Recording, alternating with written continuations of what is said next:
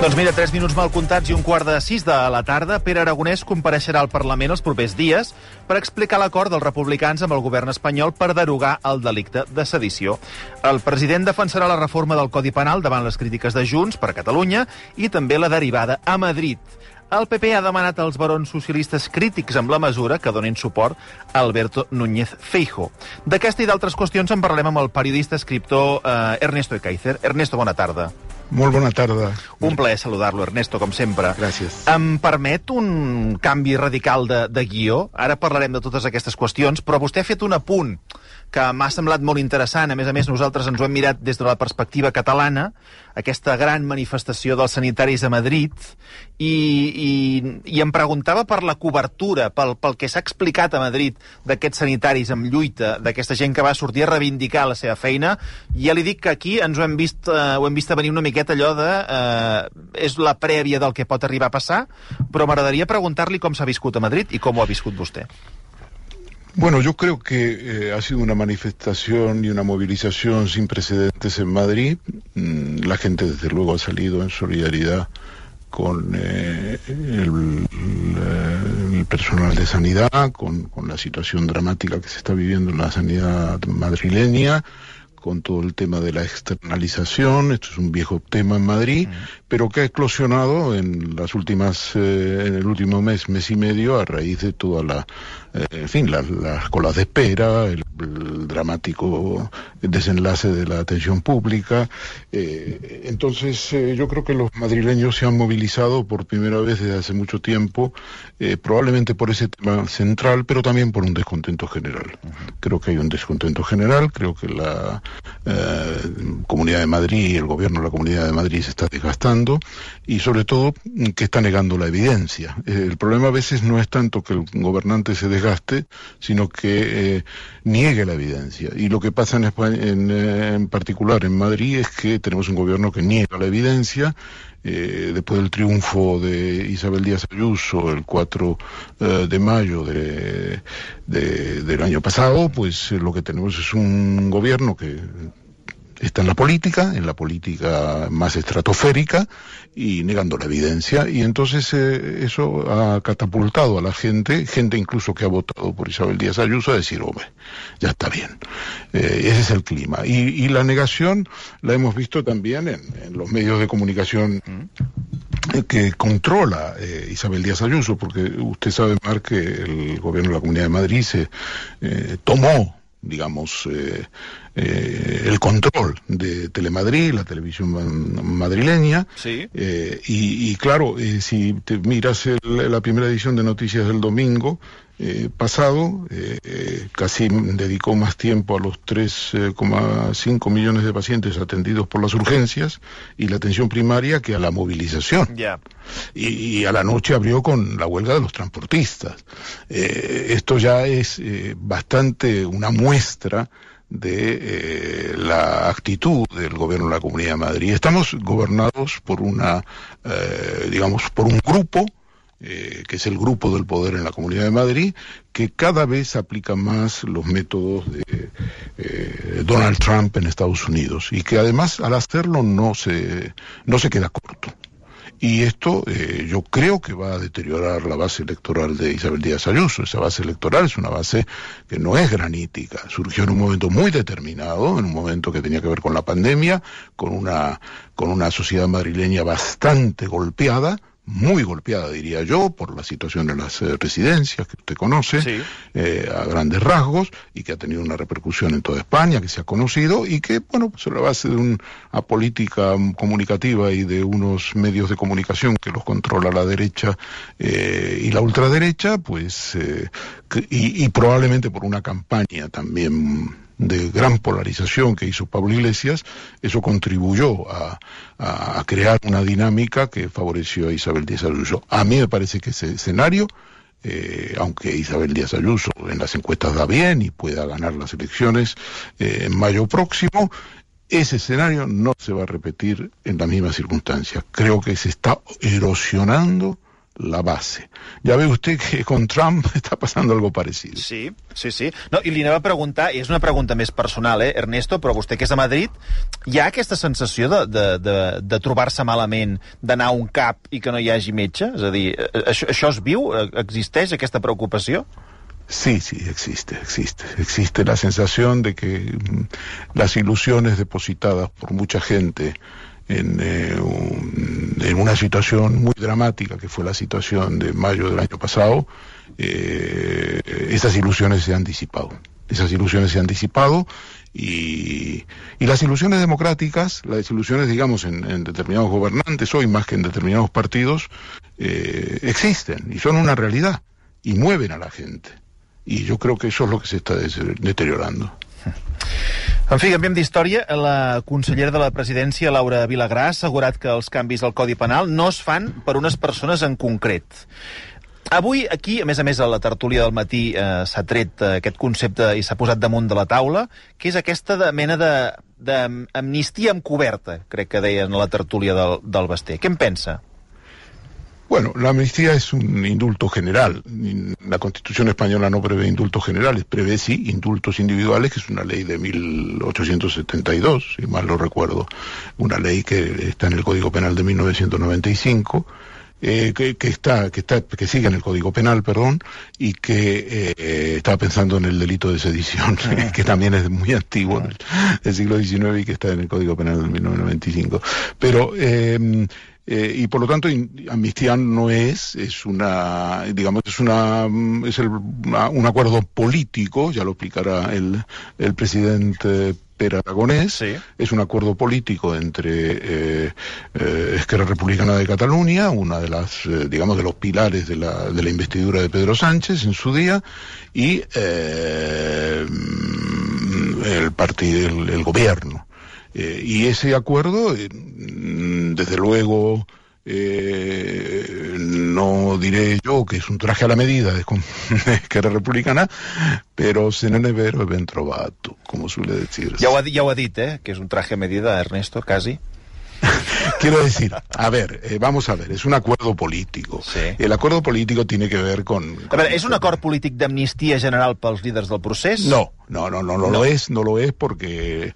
Eh, mm, ahora lo vamos a ver más concretamente cuando hablemos de lo que pasó después de anunciarse el día viernes pasado el, la, la, reforma de, del Código Penal, eh, no, no lo es porque, eh, digamos, en principio los, eh, la sedición no ha sido despenalizada, ha cambiado, ha cambiado no de lugar siquiera porque está en, es un delito contra el orden público, eh, probablemente debía ser planteado como un delito contra las instituciones del Estado contra la Constitución, no lo sé, eh, eso hubiera sido más coherente porque eh, este es el lugar que probablemente debía, debía estar, pero bueno, lo han dejado el delito de desórdenes públicos agravado eh, en, el, en el capítulo de los delitos contra el orden público. Y en ese sentido, eh, si bien la sedición ha desaparecido como tal, uh -huh. y eso es una cosa muy importante porque es un delito decimonónico, nadie podrá ser eh, condenado en España por sedición ya más, porque ese delito no existe, y los que han sido condenados ya no habrán sido condenados por sedición. Eso Això también es importante. I tant que és important. I Porque. Eh, como usted sabe, se aplica de manera retroactiva eh, a favor de, del condenado eh, la nueva legislación y ellos ya no han sido condenados. Cuando se revisen las sentencias, ya hay que borrar el delito de sedición. Entonces, eh, ¿qué problemas plantea la sustitución por delito de desórdenes públicos? Bueno, ahí hay una palabra especialmente que es la que a mí me preocupa, que habla de intimidación, cuando un grupo intimida y tal, y eso se puede aplicar y se aplicó de facto cuando fue la, la, la, la condena en segunda instancia por parte del Tribunal Supremo de los eh, 19 eh, imputados y acusados por el asedio al Parlamento, por ejemplo. Luego se les acusó por un delito contra las instituciones del Estado. Primero se les absolvió en la Audiencia Nacional y luego se les acusó un delito contra las instituciones del Estado a tres años de prisión. Eh, en el Tribunal Supremo eh, revocando la sentencia del tribunal eh, inicial de la Audiencia Nacional. Y luego el Constitucional lo, lo avaló, después de una polémica interna muy fuerte. Pero eh, en ese sentido, pues ahí la palabra intimidación de la nueva redacción del proyecto de delito de desórdenes públicos que sustituye, digamos, al, delito de sedición que ha sido eliminado, podría plantear su uso, digamos, contra eh, determinadas movilizaciones populares que constituyan un peligro para el orden público, para la paz pública y eso siempre es un, en fin, es un arma de doble filo. Clar, no? vostè vol dir que a veure què és, o sigui, a què se li dirà intimidació, ¿no? Claro, claro, ese es el tema. ¿A qué se le llama intimidación? Y entonces eh, los jueces pueden aplicar esto de una manera eh, restrictiva, eh, esta, esta ley, en el sentido de reconocer el derecho de manifestación, eh, y, o no, o extensiva. Y este es el problema. Cuando se aplica de manera extensiva es el problema, porque entonces el, Código Penal se convierte en un instrumento de, eh, de freno a la movilización social que la movilización social es movilización social porque no tiene otra manera de eh, oponerse a determinadas medidas como ha podido hacer eh, en el 2011 los recortes sociales. El Partido Popular reforzó la legislación antisocial, por así decir, eh, en el Código Penal del 2015, junto con la ley Mordaza junto con la ley Mordaza, y utilizó eh, el tema de la intimidación como una como digamos una como un factor de justificación de la represión. Y esto es lo que de alguna manera debería desaparecer definitivamente. Desaparece en parte, eh, Marc, en la nueva redacción, ya veremos cómo queda, pero no del todo porque la palabra intimidación està ahí i és com una concessió a los más repressivos del govern. És que és molt interessant això que està explicant Ernesto, perquè precisament per no definir bé aquests termes, llavors és quan passa el que passa.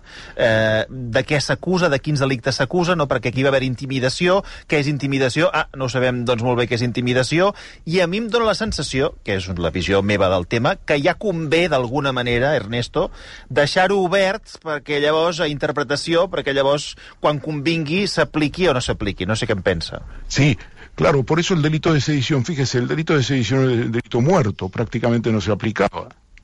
Es un delito del siglo XIX, pero que tiene muy poca aplicación. Se aplicó en el caso de los eh, controladores aéreos cuando fue la huelga y sí. luego pues no prosperó porque los jueces no lo, no lo admitieron, no, lo, no, no, admitieron esa calificación y al, en alguna otra ocasión. Pero es un delito muerto. Pero es un delito que existía. Es decir, es un delito que no se había eliminado. ¿Y dónde renace? Renace cuando el Tribunal del Procés, el Tribunal Supremo, no puede condenar por rebelión.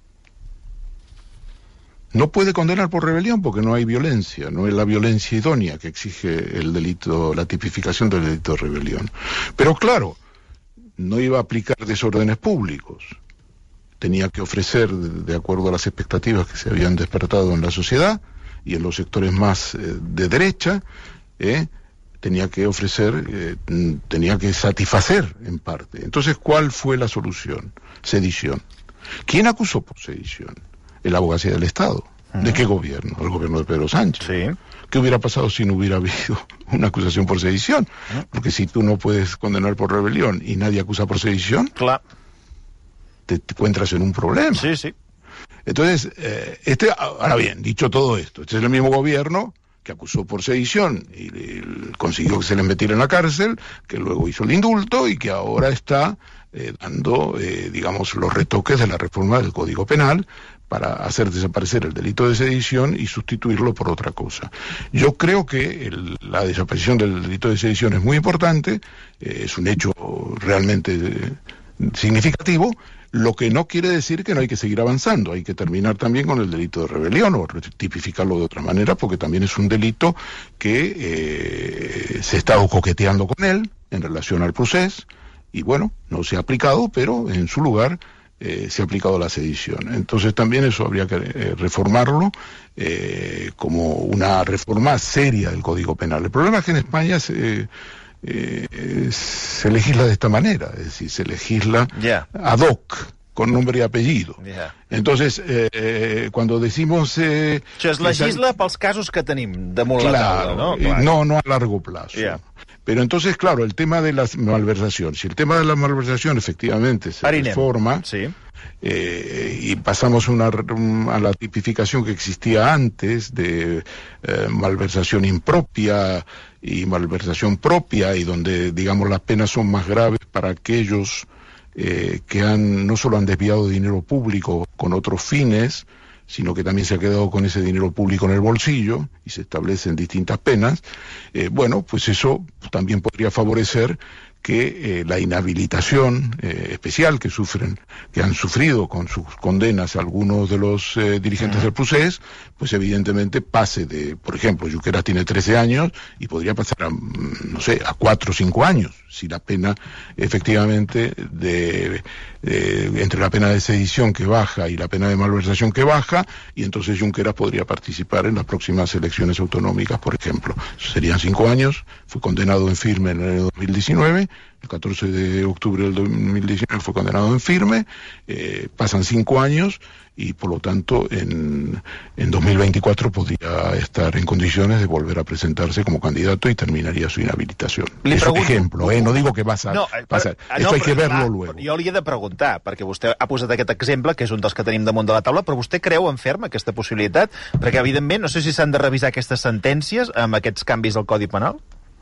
Sí, sí, sí, las sentencias se tienen que, todas se, tienen que revisar y por lo tanto va a haber que analizar eh, los cambios en la delita, en la que provoca la eliminación del delito de sedición, los cambios que provoca eh, la modificación del delito de malversación en sus nuevas calificaciones, todo eso habrá que verlo y todas las sentencias se revisan. Si son favorables al reo, ¿eh? Se revisan a favor de, eh, digamos, de aquellos que han sido condenados. Vostè Por veu a Junqueras presentant-se de nou? bueno, tendrá la posibilidad, tendrá la posibilidad de hacerlo. Eh, eh, pero además, eh, fíjese, marca y otro ejemplo más próximo.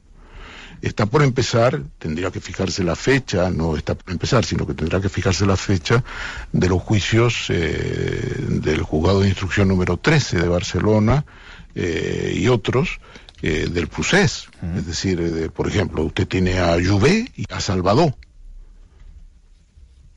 por todo el- la, la situación de la Consejería de Economía en la Rambla, Sí. ¿vale? Del 20 de septiembre. Y tiene también acusados a los dos por malversación. Entonces, si la pena por malversación diferencia entre la impropia eh, y se pasa a una calificación de, de penas de cárcel menor para aquellos que no se hayan lucrado con esa malversación, es decir, que haya desviado dinero público para una acción ilegal, como pudo ser el referéndum del 1 de octubre, pero no unieron parte de ese dinero a su bolsillo, ahí efectivamente baja la... Si eso se produce así, ellos serán beneficiados porque la legislación eh, más favorable es la que se les aplicará. De modo que ahí también hay una finura, Marc, como usted puede ver. El que se'n va dir el sotogoverno, no? Eh, hi ha altres casos que efectivament també també els toca de prop. És que les derivades del que estem comentant són moltes, perquè, o sigui, fixeu-vos on anem a parar amb tot això. Eh, modificant aquests delictes també pot beneficiar a altres polítics i un Claro. d'ells seria José Antonio Griñán. Claro. O que y no solo, y todos los del ESO, de la operación Sí, LESO, sí. y todos los del PP. És que jo ni me'n recordava de Griñán. Dic, home, que, que crec que més l'Audiència de Sevilla li ha donat, o sigui, li ha donat Ocho. dies per entrar a la Eso presó, es, no? Diez días. Deu y, va, dies. y va a entrar a prisión, yo creo. Digo, una cosa es que una vez que entre en prisión, el gobierno lo indulte o, o veamos, pero que me parece que es difícil que no entre en prisión. Recuerdo que Vera y Barrio Nuevo también entraron en prisión y durante tres meses estuvieron en prisión y luego el gobierno de Aznar les eh, eh, indultó. Bueno, si s'acaba modificant la malversació, no sé com li afectaria a Griñán. Para Grina también sería interesante porque en la medida en que la sentencia establece claramente de que él no eh, se lucró, eh, digamos la pena sería inferior, pero no sería tan inferior como para que no entrara en prisión. De modo que yo creo que lo del indulto del gobierno es una cosa que el gobierno tendrá que aclarar. Canviant d'història, la segona sala del Tribunal Suprem ha ordenat repetir el judici contra els membres de la mesa del Parlament per l'1 d'octubre al Tribunal Superior de Justícia de Catalunya per falta d'imparcialitat. L'alt tribunal considera dos magistrats del Tribunal Superior de Justícia de Catalunya que van signar la sentència per desobediència que ja havia pres part en les resolucions anteriors. Què, què comportarà, Ernesto, la, la repetició d'aquest judici? Bueno, en primer lugar habrá que elegir un nuevo tribunal. Yo creo que la decisión es una decisión importante. Se han hecho, digamos, se ha admitido la, la acusación de que el, el, juicio no se hizo con eh, eh, imparcialidad. Tengamos en cuenta de que el presidente del Tribunal Superior de Justicia de Cataluña, el señor Barrientos, era miembro del tribunal. Mm. Es decir, eh, me parece muy bien que el Supremo haya adoptado esta decisión. Yo la, la firmo, la, la subrayo pero también me pregunto, ¿no era capaz el señor Barrientos, presidente del Tribunal Superior de Justicia de Cataluña, de admitir por sí mismo esta situación y por lo tanto abstenerse? Buena pregunta. ¿Me entiende? Sí, sí. Porque no estamos hablando de un magistrado cualquiera, estamos hablando del presidente del Tribunal Superior de Justicia de. Sí, perquè no es va recusar ell mateix, seria la, la reflexió, sí, ¿no? Sí, abstenerse simplemente, es decir, que mira, yo como me he pronunciado sobre este tema, no tengo, no ofrezco las garantías de imparcialidad que se necesitan en un tribunal lo dice claramente él. No estamos hablando de la apariencia, eh, Marca. Hay una diferencia entre apariencia de, eh, de falta de imparcialidad y, y, y, una admisión de que el, el tribunal no fue imparcial. Una apariencia de imparcialidad, de falta de imparcialidad, es que hay unos hechos eh, en los cuales quizás tú no has intervenido directamente, pero proyectan una imagen en la cual no está claro que tú vas a ser imparcial. ¿Vale? Mm. No es que tú hayas dado pruebas de que eres parcial, sino que es unas circunstancias eh, donde tú no puedes demostrar de que estás haciendo justicia eh, de manera imparcial. Y tienes que demostrarlo, tienes que parecerlo tienes que parecerlo. Esa es una apariencia, falta de una apariencia de imparcialidad. Pero aquí el tribunal está diciendo otra cosa. Aquí está diciendo que no era un tribunal imparcial. No era un problema de apariencia. Es que directamente no era. Exactamente, porque ya se habían pronunciado dos miembros, el señor Barrientos y el señor Ramos. Hombre, esto es muy fuerte. Sí, sí. Porque si hubieran dicho, no, eh, nosotros creemos que no fue eh, que, que, el tribunal no ofreció una apariencia de imparcialidad. Bueno, esto ya es otra cosa. ¿Eh? Una apariencia. La apariencia. Pero aquí estamos hablando del fondo. No fue imparcial. ¿Por qué? Porque había hecho manifestaciones donde se reflejaba que había tomado posición y por lo tanto no debía haber pertenecido a ese tribunal. No debió haver pertenecido però a això, ninguna. Però, però Ernesto, això com, com pot passar? és, és que, o sigui, estem parlant del Tribunal Suprem eh, que, que, que ordena repetir aquest judici contra els membres de la mesa del Parlament per l'1 d'octubre, en un cas eh, molt mediàtic, eh, eh, molt greu, eh, on van haver-hi moltes persones implicades, i aquí no passa res. Bueno, ha passat ara, però el judici es va fer. Claro, pero el juicio, el juicio se ha anulado.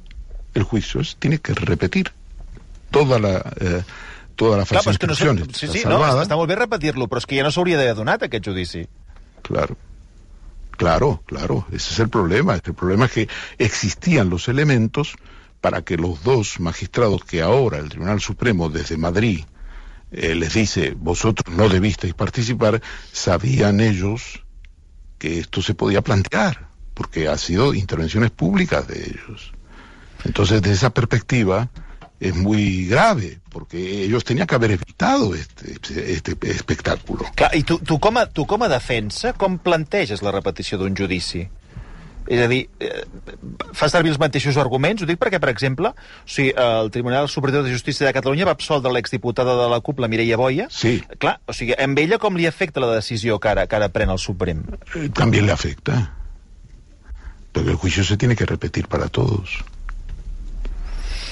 déu nhi Bueno, avui hi ha ple del Tribunal Constitucional i s'espera que admeti a tràmit per unanimitat el recurs del PP contra la llei que va retornar al Consell General del Poder Judicial la facultat de nomenar dos magistrats del Tribunal Constitucional. Bueno, es una, es, una misión a trámite del recurso, ¿eh? no es sobre el fondo. El tribunal no está, como usted está viendo, no está resolviendo temas importantes porque está en un estado de coma. Como no está renovado, como hay cuatro magistrados cuyos mandatos hicieron el 12 de junio pasado, el gobierno sacó una ley con 27, fecha 27 de julio del 2022 que no se cumple, porque el PP no quiere cumplirlo y porque los eh, vocales conservadores del Consejo General del Poder Judicial no quieren cumplirlo, no quieren nombrar magistrados, están arrastrando los pies y siguen arrastrando los pies, aunque hay una ley vigente. ¿eh? Entonces el PP eh, recurrió a la ley anterior que prohibía los nombramientos. Ahora ha recurrido a la ley que les devuelve una parte de los nombramientos. Hombre, eh, Marc, yo lo planteo en términos muy sencillos de sentido común.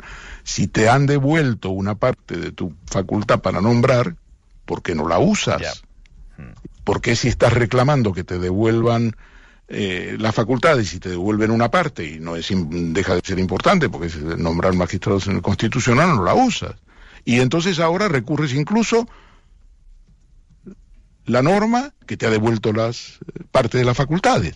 En fin, esto lo que revela claramente es que el PP está en una eh, en una eh, en una sedición, es, decir, en, en, impedir que se cumpla la ley por vías que son no son legales.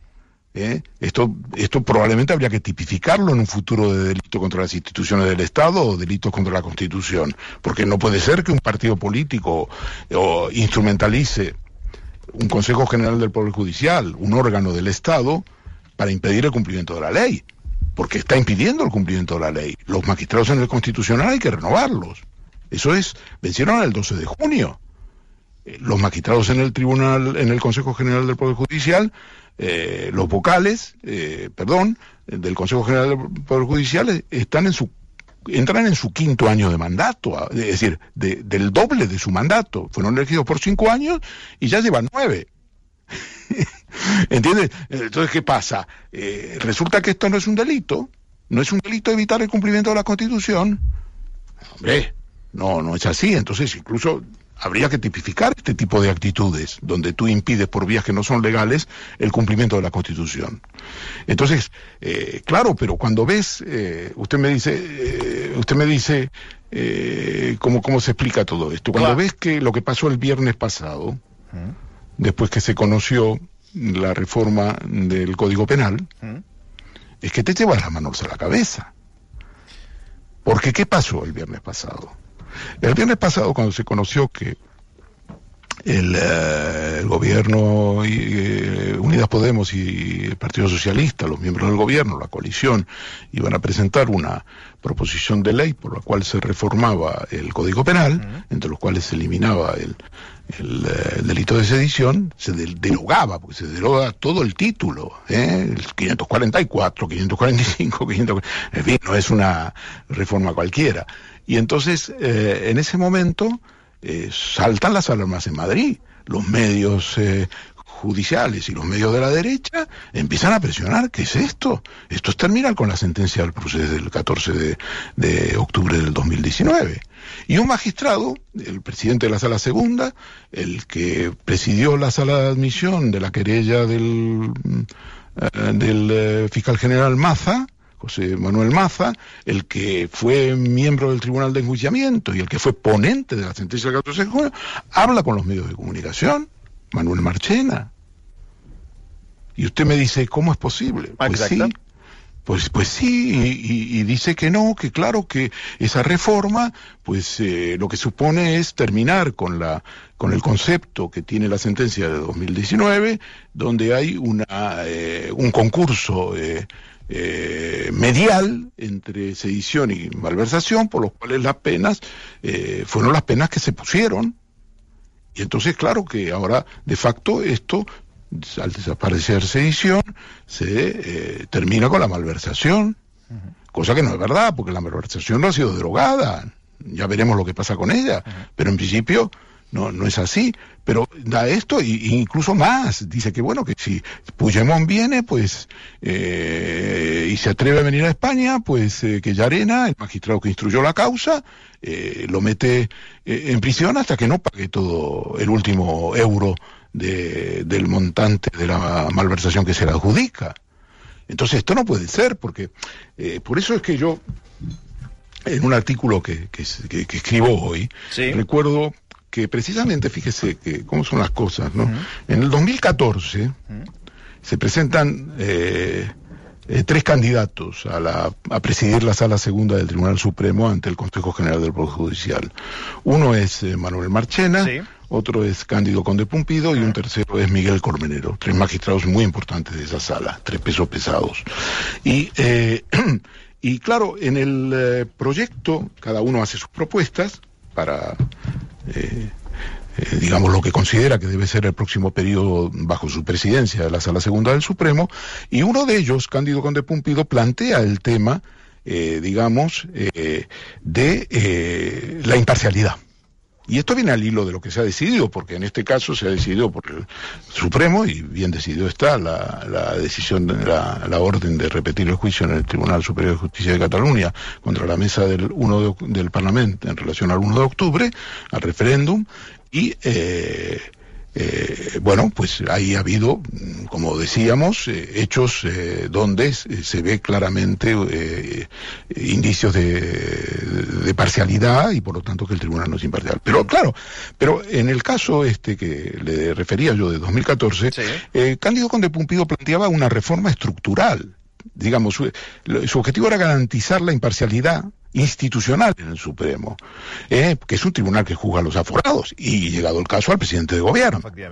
Entonces, eh, de ese punto de vista, eh, una de sus propuestas estrella era precisamente ese, es decir, el presidente de la Sala Segunda no debería integrar permanentemente una determinada sección, decía él. De la misma manera que en el reparto de todos los demás asuntos, el presidente que el presidente de una sala es un primus inter pares, debía rotar con el resto de magistrados también en la sala de admisión que admite las querellas. ¿eh? a los que corresponde por turno. Y dice, decía él que con este sistema, al no, no, estar siempre el presidente de la sala segunda en la sala de admisión, podría participar, sí, en una sala de, de, de enjuiciamiento, es decir, en un tribunal. Y la sala de admisión sería completamente rotatoria. Claro, eh, fíjese este debate en 2014. el Consejo General del Poder Judicial, el sector conservador, eligió a Manuel Marchena en lugar de Cándido Conde Pumpido. Pero ¿qué pasó tres años más tarde? En la, en, la causa del procés. Cuatro magistrados, Marc, de los cinco que integraban la sala de admisión de la querella,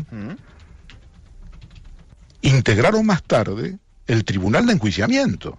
Es decir, admitieron a trámite la querella de, eh, por rebelión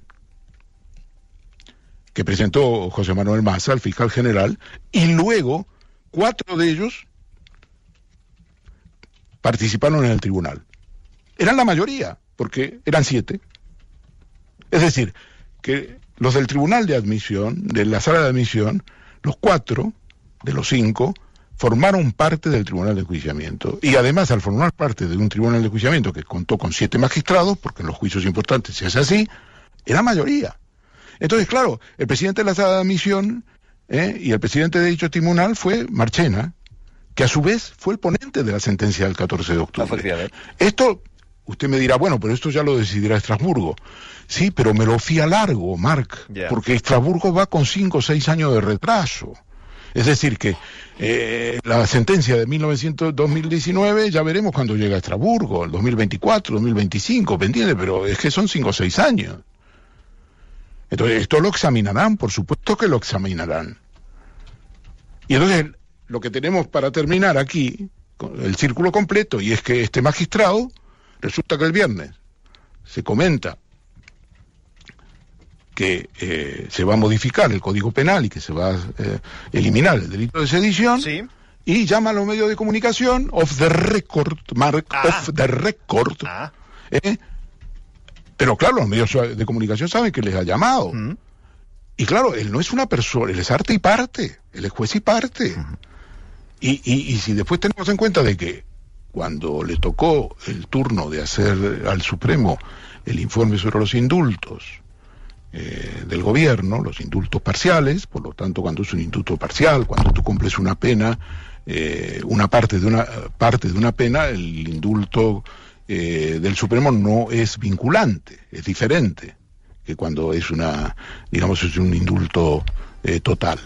Entonces, y en ese momento, pues, el informe, en lugar de ser un informe técnico, ahí también el ponente fue Marchena, el informe planteaba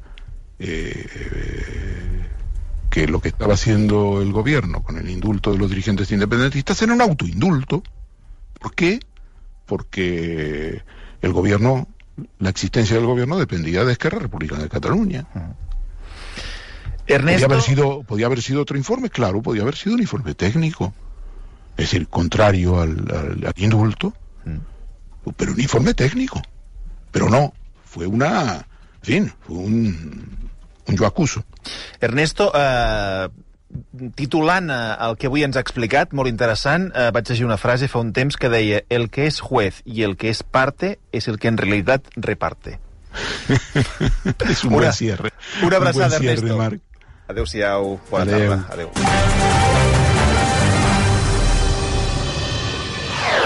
Versió RAC 1.